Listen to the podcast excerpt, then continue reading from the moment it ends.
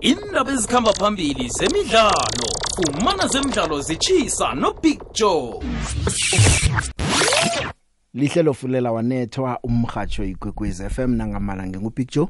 Ngikhamba nawe ke siyokuhlukaniswa la awale sithandathu namhlanje kungolosihlanu eh sichecha izehlakalo ezikhona eh kezemidlalo kunengi okwenzekako kuningi okusazo kwenzeka eh sibonileke izolo ingchema eh salinde ebusuku. Yabona ke sinye isikhathi angazi ukuthi khani kuzakumele bathi kuvalwa ngo5 ukuklikitla mina ngazi ngoba ama activities ebusuku nokho nembika indaba nje ama journalist alinda lapha emaofisini ePSL bayasho nabo ukuthi nizokulinda beningabona abantu basikinyeka.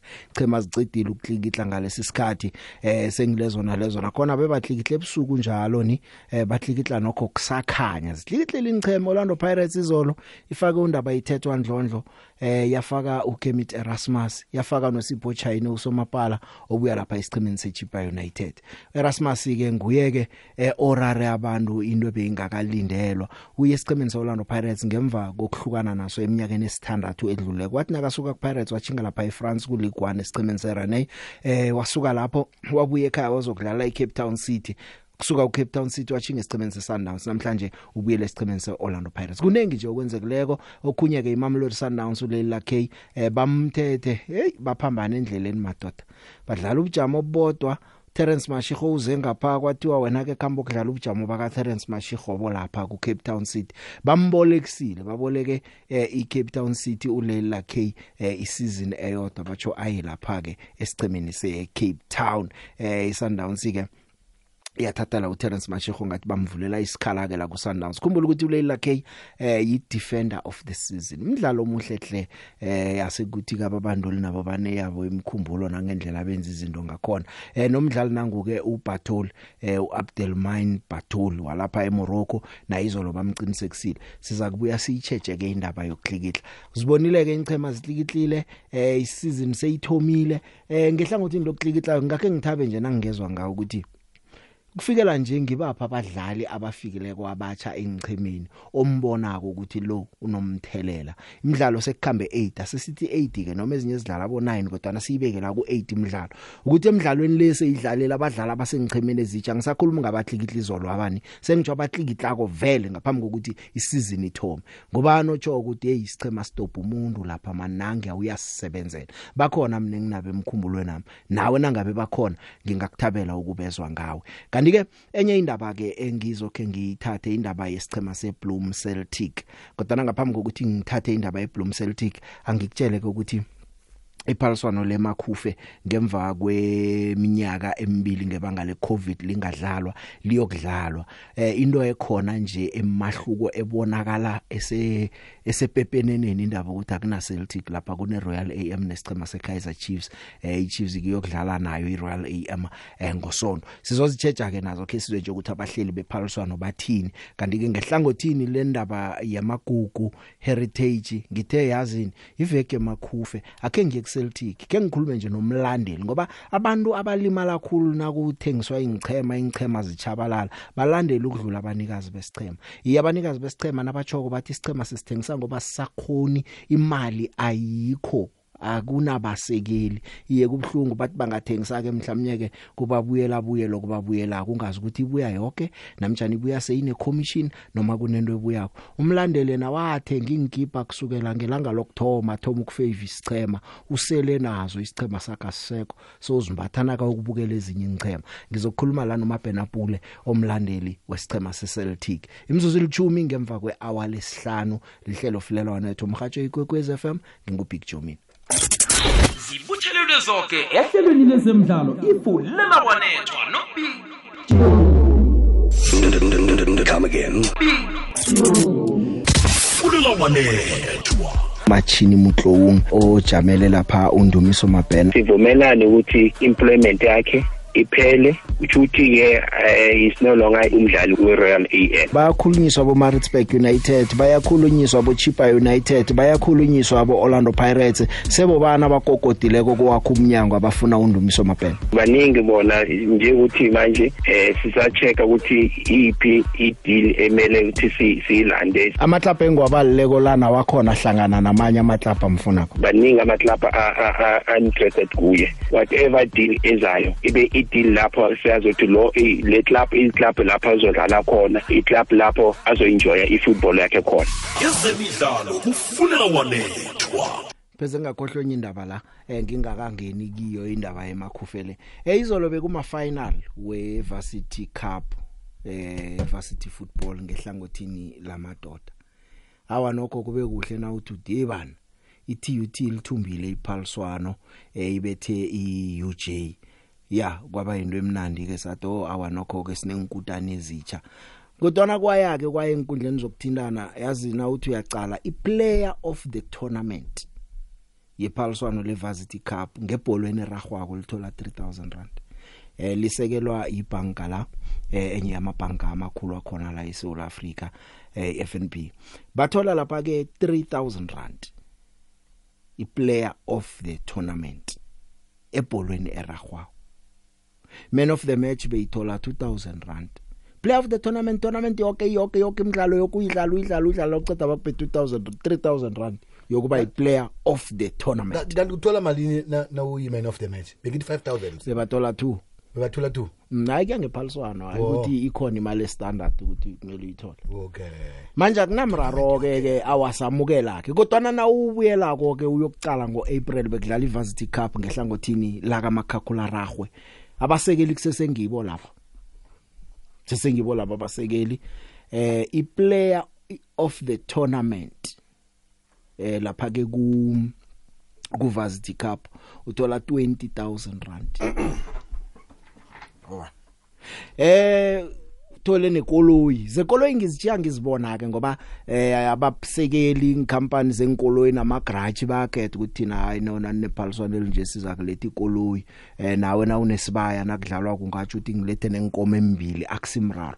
Kodwa nani basekeli nisekela iphaliswano ibhola eragwako noma khakula ragwe ni title sponsor nje kungine bese nenza umehluko ongaka ngapha umnyeni imphethe 3000 rand omnye athole 20000 rand. Sento nje ufuna ukuthi umuntu ayicabange mhlawumnye ngelanga ukhamba vero uyoyifunisisa research ukuthi na ukhuluma ukukhuluma into yaziko kodwa na it face value na uyicaleleka into le ibhlungu khulu. Bolera kwako ndlala indlala bakuphe 3000 rand bathi play of the tournament. Ngapha kudlala umakhakula ragwe eh umsana athi angathola abayi play of the tournament bamphe 20000 rand abathole nomotoro phezulu. Ya. Sinto oh ngiyaphuma lapho. Makhufe abahleli bemakhufe tournament eh bathabile ke nabe bakhuluma ne SABC namhlanje eh uBen Moseme eh uyacho ke ukuthi no eh bachokele liphaliswano liyaraga eh amathikiti ayakhamba. Nanyana ke kunganasichema seBloemfontein esikhona ukhumbule Celtic yakhamba eh mhlapa nje eceda ukukhamba iFree State Stars abanasichema eh uyacho ke uyahlathulula uBen Mseme ukuthi kuba yini babize isichema seRoyal AM ukuthi kuzokudlala sona. Eh manje asazi ukuthi abantu bemangawungu bazokureact kanjani kilo leliphaliswano kodwa nomseme ngendlela atsho khona uthi amathikiti ayakhamba uthi bese kuthengwe 21000 abantu baholile inyanga iphelile ekusele eh, namhlanje nakusasa abantu bazaligcwalisa itatawu kanti uhlathulula nokuthi ngehlangothini lezomnotho leli phaliswano lizobasiza kangangani abantu besifundisa Yeah, obviously, it's it's it's tough to keep all sectors of the economy happy,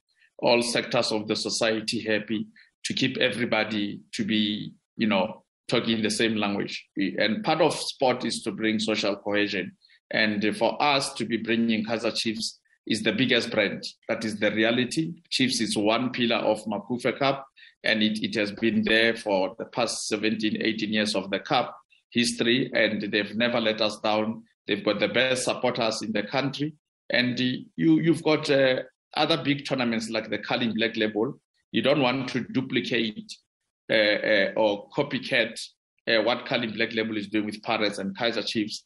So you need to let go, like the Vodacom Challenge, Pirates, Kaiser Chiefs. leave that property as a part of the of the Soweto Derby, but it's a private uh, or a, a, a, a an independent uh, soccer challenge. And then you've got Sundowns, which is our uh, uh, uh most performing team in, in South Africa, going continu- into the continent with the AFCON. And they've been winning medals, you know, back to back and the league back to back. The price becomes a bit steep. Remember, this is a private matter where we're trying to bring soccer back into the, uh, the, the green grass of the Free State in particular at the Free State Stadium. So you then look at who is next that can is trending and making noise in the country. And Mamkiza you cannot ignore with uh, Andile. I think there is a lot of hype around the brand that has been created, whether it's controversy or what. In, in marketing, we say there is no bad publicity. Just like the Siwelele issue, there is not bad publicity. Actually, the cup has got more coverage. There is more excitement everywhere. I've been in offices of the municipality, of the premier, of uh, walking into a mall. People are asking for tickets. So we're going to have a full uh, crowd. We are in Bloemfontein. Yes, we've lost. We're still mourning uh, the, the death of Celtic as a brand, but we are still alive as supporters, and we are going to ensure that we come in numbers and paint the stadium green. Chiefs uh, uh, supporter knows very well that this is our language that we speak. This is our Ngoma. This is our nation. This is our country. This is our city. So we will be turning out in, in numbers to ensure that we, we, we represent what we stand for because the culture is not uh, lost. What we've lost is the, the status of the club.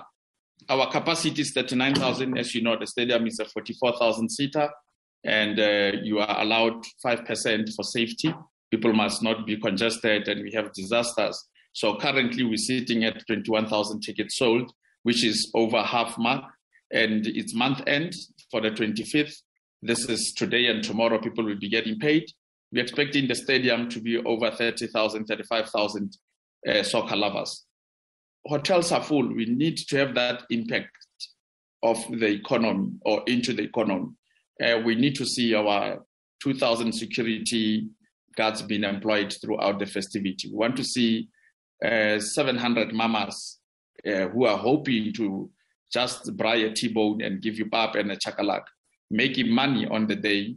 We are hoping to see hotels and guest houses, you know, uh, car attendants, petrol attendants, waiters at restaurants being tipped out of this thing because people are here for fun. They spend 40,000, 20,000 on a table at Cubana, at New York restaurant, at Kayla K. It's important that uh, the, the, economic uh, spin-offs, we're employing close to 57 companies that are working with us from our offices, you know, we are the biggest events company in the continent, by the way, on infrastructure competency, the properties that we owe in terms of Makufe Cup, the corporate village, you know, the, the Women to Women, the 80s music festival. So we want to create jobs and and and everybody's stressed. Everyone doesn't have money for petrol. People don't have money for for for, for tickets. People don't have money for luxury and for anything extra. You need to cover the basics. So it's tough out there. You know, you walk on the street where you come from, people are asking you for, you know, a bottle of a, a, a beverage. They're asking you for meals. They're asking you for a whole lot of things. So this is a job creation uh, project. umkhanyo wethu ukhanya phambi kwabantu ibuthelelwe zonke ehlelweni lezemidlalo ifulela kwanethwa nobili come again Kungolosihlanu lihlelo fulela wanethwa emhathweni kwekwezi FM njengokukuthembisa ke nginaye uMabhena Pule. Eh uMabhena Pule mlandelo omkhulu wesichema seCeltic. Mabhena ngiyakwamukela yeche Yeah, good afternoon and good afternoon to your listeners. Mabhena And thanks for hosting me. ya nathi siyathokoza mabhena ukuthi nasikumemako uvume ukuzokukhuluma nathi. Yazi i- into efika ndangi kimi mabhena ukuthi eh iHeritage Day kusasa. Ebholeni ragwako nasikhuluma ngeheritage sicale emva enye yezinto eziligugu kithi sichema seBloom Celtic ese singasekho namhlanje. Eh ungathini nje na ucabanga isichema sakho samasele? Uh, please forgive me. Uh, can I use an English? Because uh, you know I'm uh, umntwana kagogo apha eBloemfontein Oh. ithetha isitswana No, so khuluma i isitswana. think eh, i don't want to talk sitswana people will not understand me. Eh eh, bazokuzwa khulu ke na ukhuluma isitswana isikhuwe esingisoko zobalahla ngaso. Or Khuluma lithetha isitswana ya buka sitswana re. Okay eh ngwaneso eh o utlwa o o o hlaba pelo ya ka you know we, we are still hurt of what has happened. Uh, we are still bleeding of what has happened in terms of uh, the selling of that team. Uh, it's like uh, we have lost a child or you have lost your your wife. You know, it's still difficult to accept that we we no longer have a team. So it's still hurting, especially as time like this when we were supposed to be playing uh, in Makufe Cup and we, we are unable to, to play. And uh, it, it, it reminds us of what we have actually lost. Uh, till today, our hearts are still sore, we are still bleeding. And uh, we still do not accept the fact that we do not have the team here. That's in a nutshell what I can say. ya ngiya- ngiyazi izindaba ezibhlungu khulu. Ngiyanazi ukuthi eh abalandeli beCeltic beni passionate kangangani ngeCeltic. La benikhona bekuyi vibe namhlanje nilahlekile nihachekile sesikhamba siyababona abanye ke eminye imidlalo kodwa na siyazi ukuthi inhliziyo zikuphi. Sekubhlungu kunjalo kodwa na kukhona okuhle. Angitsho impilo iza nokumbi nokuhle. Ake sithome ngokuhle nje. Wena esuma benapule wa- wa- wa- wa- wasithanda njani isicema seCeltic? Wathoma njani ukusupporta? What are the good memories onawo ngesicema seBloem Celtic? You know, uh, Bloemfontein Celtic, uh, actually in Tatemolinela Hotel ya Haye is just uh, three streets from where from where I grew up. So remember at that time, uh, players of football were full-time professionals. Bloemfontein Celtic players were full-time professionals. So after school, we used to go to Ntatemolemela Hotel and then you will see these players coming in and out and we'll talk to them. At some point, we are actually washing their socks and carrying their bags to the Kusta that Ntatemolemela was using uh, as a transport for the players. So I actually grew up. Uh, I was brought up actually by Bloemfontein Celtic because uh, I can interact with the players of Celtic almost daily. And uh, during the matches, my brother used uh, was a Celtic supporter as well. He used to go with me in matches, and he'll put me up in his shoulders so that I should be able to see uh, the match when Celtics was playing. I'm actually I have followed lots of matches while I'm still in the primary and in high school. So it's a, it's a very long journey of Celtic uh, for me. I never supported any team. When I start grow- when I start knowing this is a professional team and all that stuff, professional team to, for me to know it, I started knowing by Celtic. So I've been a Celtic supporter uh, for a very long time, and I'm still supporter of the Bloemfontein Celtic till today. I've never jumped the ship. I never crossed the floor. I'm still a Celtic supporter till today. So it has been a very long journey for myself and Bloemfontein Celtic, my brother. ya ngiyakuzwa kubhlungu ene uyokuhlala uyithanda kufana nokubhujelwa umuntu uyabhubha ukuthi ukuthi niyamkhohlwa nihlala nimthanda njalo. Nami ngiyabona ukuthi iCeltic izokuhlala ikhona enhliziyweni zenu. Eh in terms of ama games ama match mhlambe ama games ongawakhumbula aso memorable e- empilweni yakho nemkhumbulweni yakho a vividly clear ama games we Celtic nabadlali i know ukuthi Celtic kusukela kade kubo Eden Khatango lemuva eh yaba nabadlali abahle abahle ababuya nenarheni zangaphandle. Ngiyazi ngekho abaceda bonke kodwa ngingakujabulela ukuthi usikhumbuze babili bathathu nje abadlali okukhona ukubakhumbula. Kodwa na ke usacabanga njalo ithi ngenze ngalindlela bese ngiya enihlokweni zendaba nangibuyako ngizokuzwa ipendulo wakho Okay. asesitawaka angishwile mwa okumpefela ya magumba amane buruwaka magumba buruwaka man. Futhi renta roman nasele buruwaka akira kholo ya bolo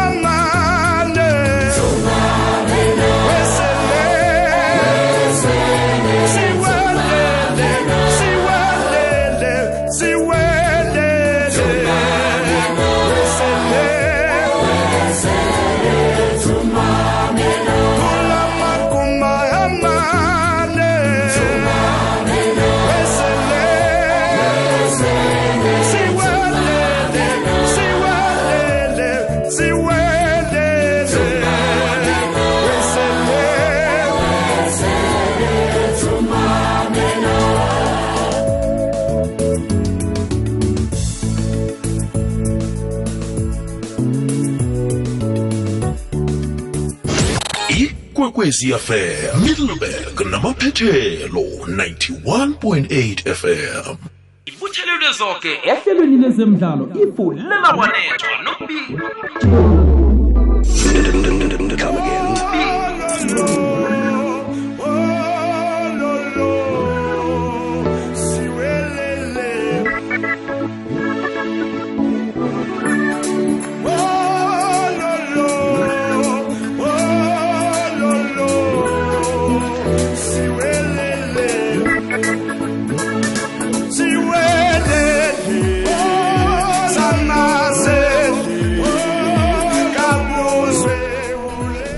mabhena mabhena ya A- angazi ukuthi i-load shedding esikiyo le namtjana yini. Eh siyahlaka ke usilahlekele sesilinga umthola godu umabhenapule kodwa siba nomrarwanyana ukumthola siza kulwela ukumthola sibuye naye aphila. Esamlindile akhe sizwe nje imbono mbili mthathu ebuya kuwe ngezinto ezikhulumekako namhlanje kehlakuthini lezemidlalo. Sisafuna umabhena pule esithemba ukuthi sizomthola na kanjani godu. Ubona kunjani usifiso la clarinet ah lezi ndaba ozikhulumayo zamavarsity cup lezi ziyadanisa zizwisa ubuhlungu ukuthi abanye bathola imali ephezulu abanye bathola imali encane. Ah, ayikho ifairness lapho akusingcono bayeke picture mangaba bafuna ukuba nefair. Ngingajabula ukuthi uthole nje lo muntu o-responsible because ngiyacabanga ukuthi is the one and only person responsible for ama-competition wawo lama-universities different sports but umuntu mude abe yi-one o-responsible akeza azosichazisela kahle. Se mhlambe singaba nolo noku-understanda but hayi mina ngiyiboni lento abayenzayo. Is very wrong i-discrimination. Eh picture lo sehleleni lakho elikhulu lezemidlalo ukwekwezi FM ninobiziwe. Ah picture ay eh siyathokoza mani ukusithulela ihlelo lezemidlalo. Picture engithanda ukukhuluma ngayo namhlanje ngithanda ukukhuluma ngendaba le eh, yabasekeli be be rugby eh namavarsity eh tournament. Hey picture igebhe khulu khulu khulu khulu kwamambala le abayenzileko abasekeli eh bebhanki elikhulu eh bayakhombisa nje picture ukuthi ibhanki elisesengaphasi eh, kwezandla zabantu abamhlophe eh ungekhe ukube nomahluko ongaka. 20000 rand ne 2000 rand. Hayi this is an insult picture enhleke kahle kahle. At Chadapik, at Chadapik, and Ranamadumana, 12 time PSL champion. Big big kid. Eh the pick nasabuza nje ingichema ukuthi ichema sibona zisayine njani eh the pick ngimlandele sicema semamelodi sundowns mara ngiba ukuphawula ngesicema se-kaizer chiefs the pick mina yiso isicema le pick esingisayinile kuhle kaizer chiefs ngisayinile kuhle usithebe isayinile lupriz isayine kuhle umart isayine kuhle le pick Eh sawubona Big Joe. Eh ukhuluma noEphraim Ndo. Yabona mina ngithi ama team asazothengiswa ama team. Eh yabona modlala lezi ngoma lezi. Ayi kungikhumbuza abalandeli beCeltic begcwele nje estadium. Bebeyithanda leya team kakhulu. So ngiyacabanga iPSL mayinga ingabe kumthetho ukuthi mawuthenga i-team or mawuthengisa i-team ayimove i-team ihlala khona la. Angithi wena big joe ma une-shop ma uthi ayithengisa ishop umuntu akafiki nje ayithatha ishop ayoyakha le uqhubeka khona lapho ayithole khona ishop. Yini naku-football kungayenzwa kanjalo? So ngibona ngathi i-psl mayiphase lo mthetho lo ukuze amathimu abalandeli bavikeleke. Ngiyabonga big joe ifrem do la jobek amadoda anemizi khulumani sizwe sizwe ngani khulumani amadoda anemizi khulumani sizwe sizwe ngani khulumani varume vane musha taurai tinzwe tinzwe ngani? Hei big joe big joe ngithi amadoda anemizi khulumani sizwe sithi amadoda ane amazwe adlala ibholo khulumani sizwe thina zokhulumani izwe ilizwe lethu libhaniwe ngefifa ngekhefi. Heyi kuhlungu khulu kuhlungu kuhlungu kuhlungu.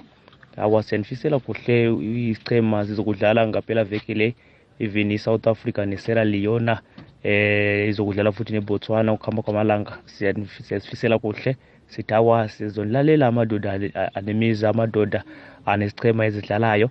Eh sifike futhi sikhulume ngama-coffee cup phakathi kwe-kaizer chiefs ne-royal am uzokuba umdlalo omhle khulu kwamambala even ithikili sakho uzokuba khona i think ngubotha msibi ngumlandeli omkhulu weceltic nibe nempela viki emnandi ngiyathokoza kakhulu umoya wasezimbabwe. Hawu big joe big joe big joe. Ah mfethu wavele wavuse emanxeba mnakethu wavuse emanxeba bhuti uyabona siwelele samasele madoda iwelele samasele big joe ayikho iteam leyo phinze ibe nemasupporter noma abalandzeli.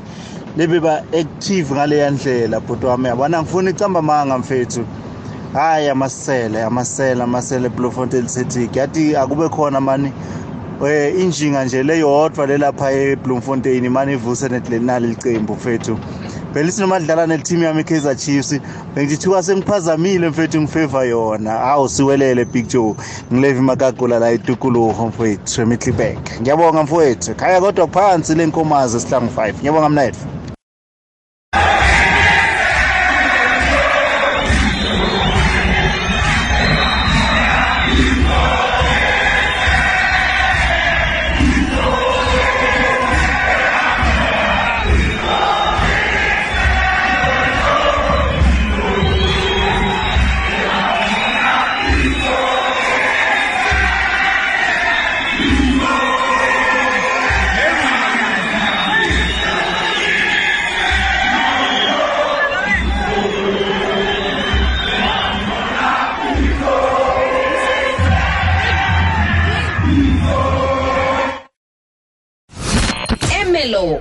eHenrina. Lalela ngompopo ohatsha ukusukela eDouble 94.5 ikwekwezi fm kukhanya ba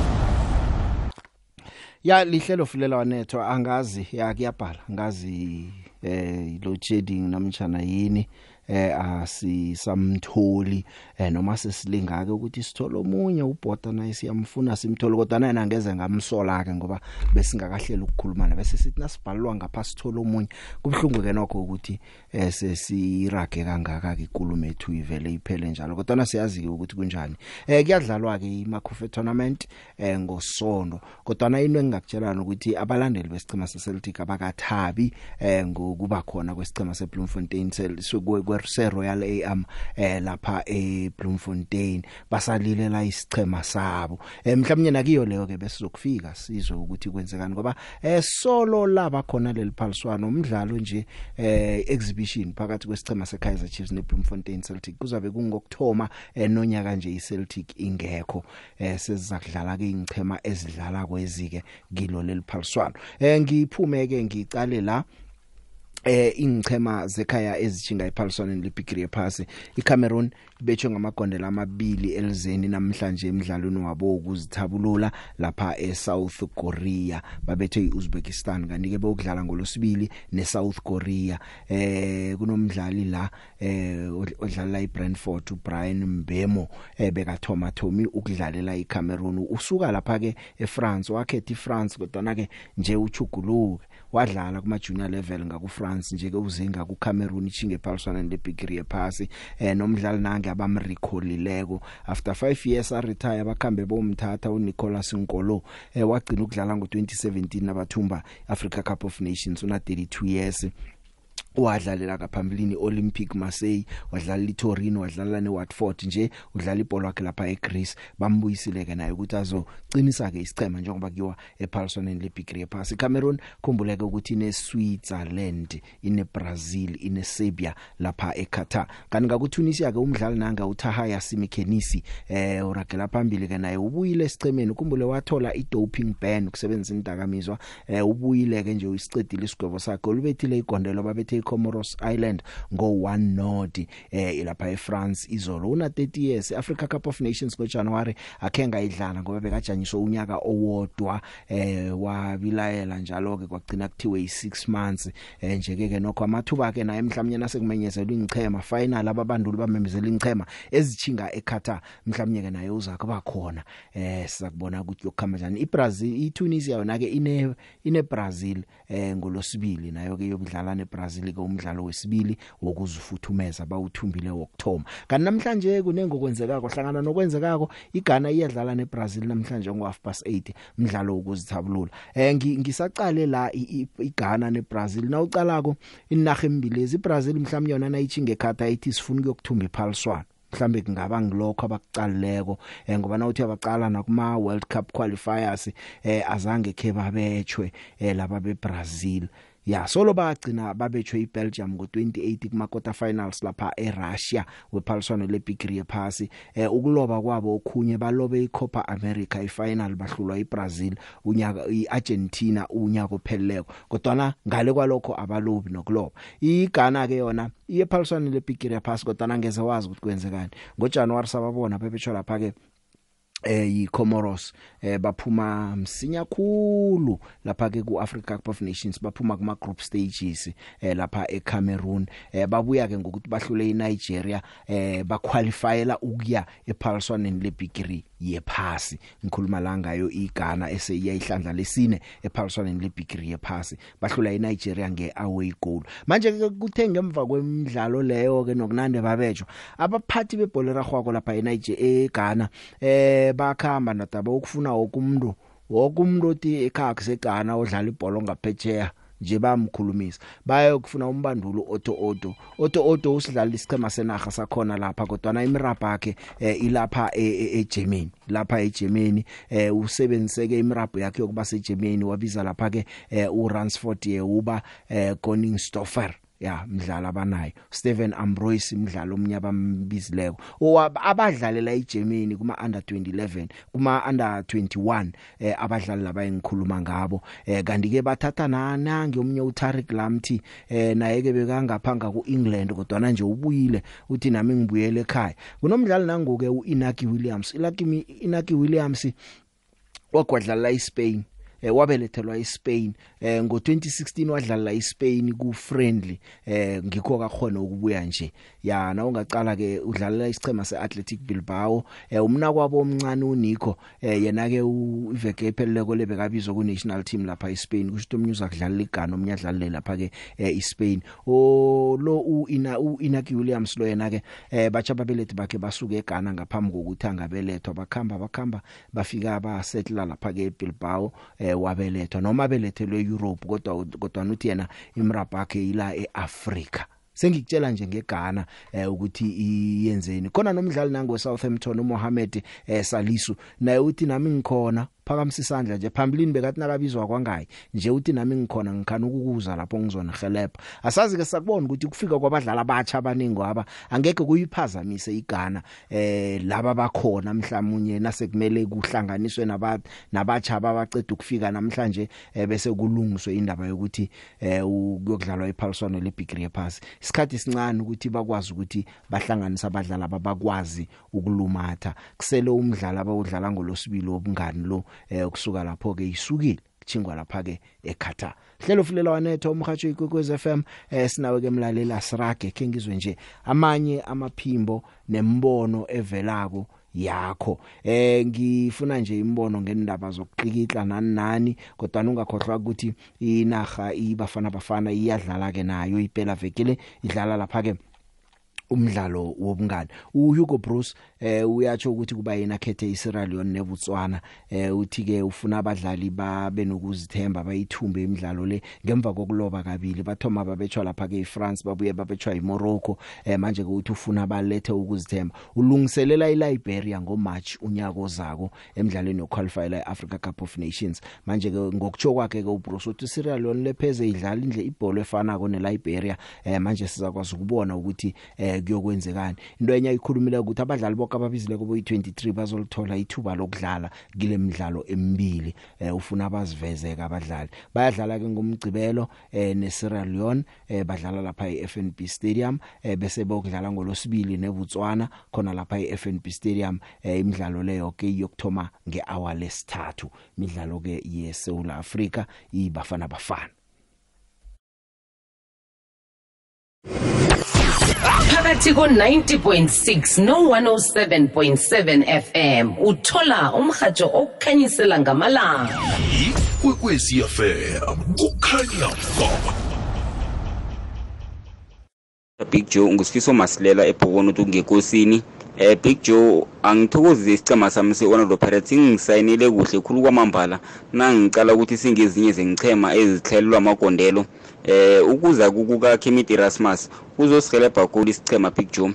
Eh kanye nondaba ithethwa ndlondlo uzokubooster eh eswini apha njengoba i-attacking midfielder nje eh namagondelo unechudu lawo Big Joe. Ngusifiso masilela ebhokono uthi ngekosini. Thank you. Lotsha bijo uvukile ntambama mandla masanga ngapha nge-witbank.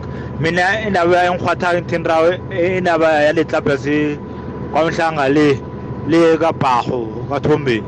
Igama lakhona eli yana man lisinakusinyana man. Besiba man yathi athi liphe igama elizwakalako noma ngathi bathombeni or athi mthombeni fc or athi bhaho lotsha big joe khuluma nonico pirate big joe ngikhwatha amanceba. Khumbula isiwelele aqeda ukudliwa i-sundowns uphithwa yakibo bamculela big joe. Bamculela big joe. Khumbula ngelinye ilanga baqulela umanyambela aya kibo big joe. Babethi ingoma kamayambela big joe babiza igama likamayambela big joe. Yabona lesa sicema big joe? Lesa sicema big joe thandazise ngibamba imali ngizahlala eceltics babi. Ngiyivusa big joe thokoza kunikwe perete nomaphias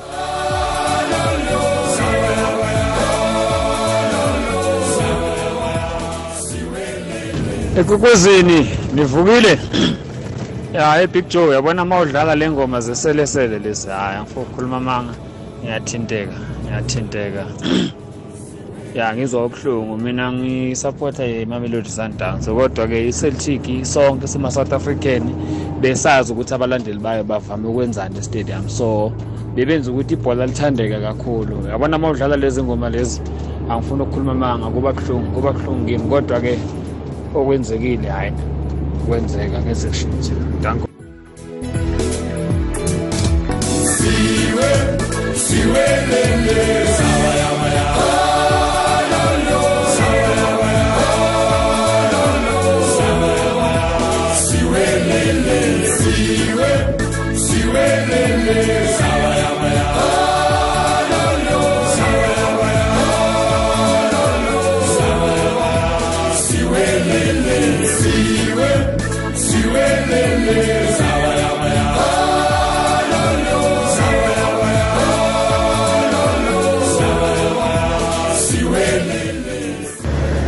lotshani lotshani ngekwekwezini lotshani big joe. Ya ngicela ukuphawula ngesichema sethu sebafana bafana ya big joe kusasekude kusasekude. Angazi kumele kwenziweni lana. Angazi kumele kwenziweni ngoba ibafana bafana le. Kwayena uhugo bruce. Uyabona ukuthi yamhlangahlanganisa kungakho manje ugcine sekabiza laba ngathi baneminyaka emidala. Eh ngoba uyabona naye ukuthi ngathi ibhantshi lizawubhala umoya. So zama ukuvika vika uzama ukuvika vika kodwa angiboni mina big joe ukuthi khona into engenziwa manje engenza ukuthi bafana bafana ibe ngcono. Mhlambe ngingazi mara kwamanje angiboni picture. Ngisho njalo mina utitus udunga makama edenelton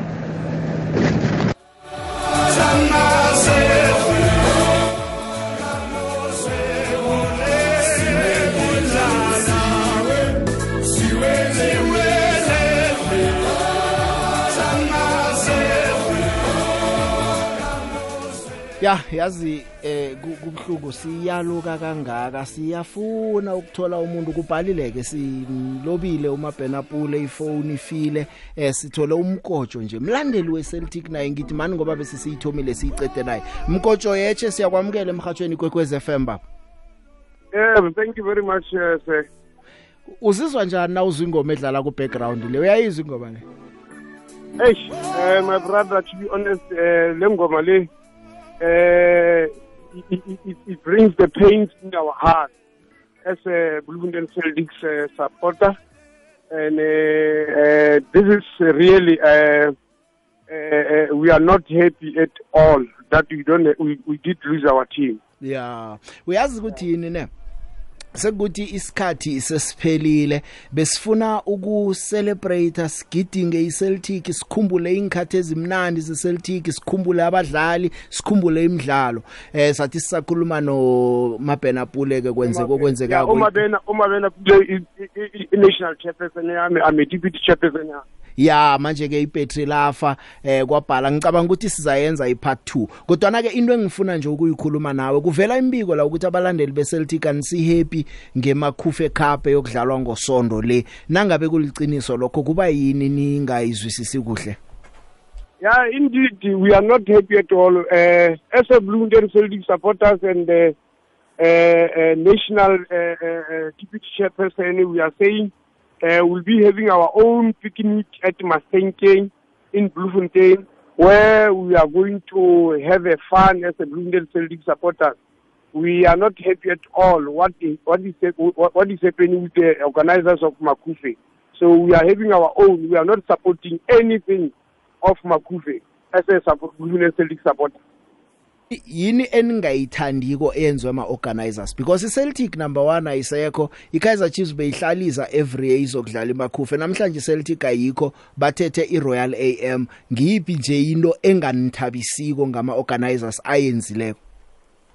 Uh, in the first place, uh, they did sold our team to uh, the Royal AN, and they took away from us as a heart. So we are still bleeding, and then they are still provoking and bringing the very same uh, Royal AM to our, our our our soil. So those are the things that we, we foresee that there is something the government of Free State or even the organizer of Makufe, they are provoking us. There is something that is behind that.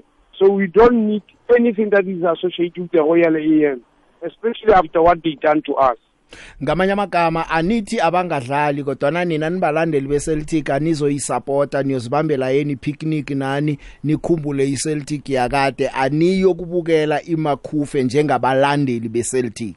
Kodwa na yonke into iyokuba peaceful abayako baye nabadlala ko badlale kodwa nina niyozibambela ipicnic yenu ecadi That, that is true. That is why we are trying by all means to avoid ukuthi ama supporter ethu aye stadium because we know what is going to happen if they can go to the stadium. So as a leadership of the, the, the, the, the, supporters, we foresee that we must have our own where we are going to sit. Even the community of Mangaun, they are going to support us. They are really behind of, behind us. There was a meeting even yesterday with the community as a whole. They are supporting us. All of us will be uh, the resident whom they are supporting and the, the love of the Bloomington Celtics. They will be at the Masenke, not at the uh, uh, Vodacom, uh, Vodacom uh, Stadium. Mnumzana umkojo sikhathi vele sekumele ngilivale ihlelo. Ngithokozile ukuthi ungene esikhaleni sekukumbi kangaka kodwa na ke sizokubona sizokuhlela ngelanga sicoce indaba ezimnandi ngeCeltic ezibhlungu ezisizichiye ke sikhumbuze umlaleli senze nje ama memories siwavuselele weCeltic iCeltic isenhliziyweni zabalandeli bebhola eragwaka eSouth Africa angaba mlandeli weChiefs abe mlandeli wePirates weSundowns wokumuntu iCeltic bekayithanda kwanamhlanje ngiyakuthokoza baba. Yeah, thank you very much. One, one other, one, one other, the last thing, one other thing that we are going to gather there. It's not only the picnic. Mm. Remember, we are still having our own a trust fund account where we are going to raise our own funds that is going to go to trust fund because we wanted to see ourselves one day buying the team as a supporter not belonging to anyone sizoyikhuluma nayo leyo mhlana sibuyako kungasikade kusese i-heritage month nje sizokubuya sikhulume baba thank you thank you baba. Thank you mukotsho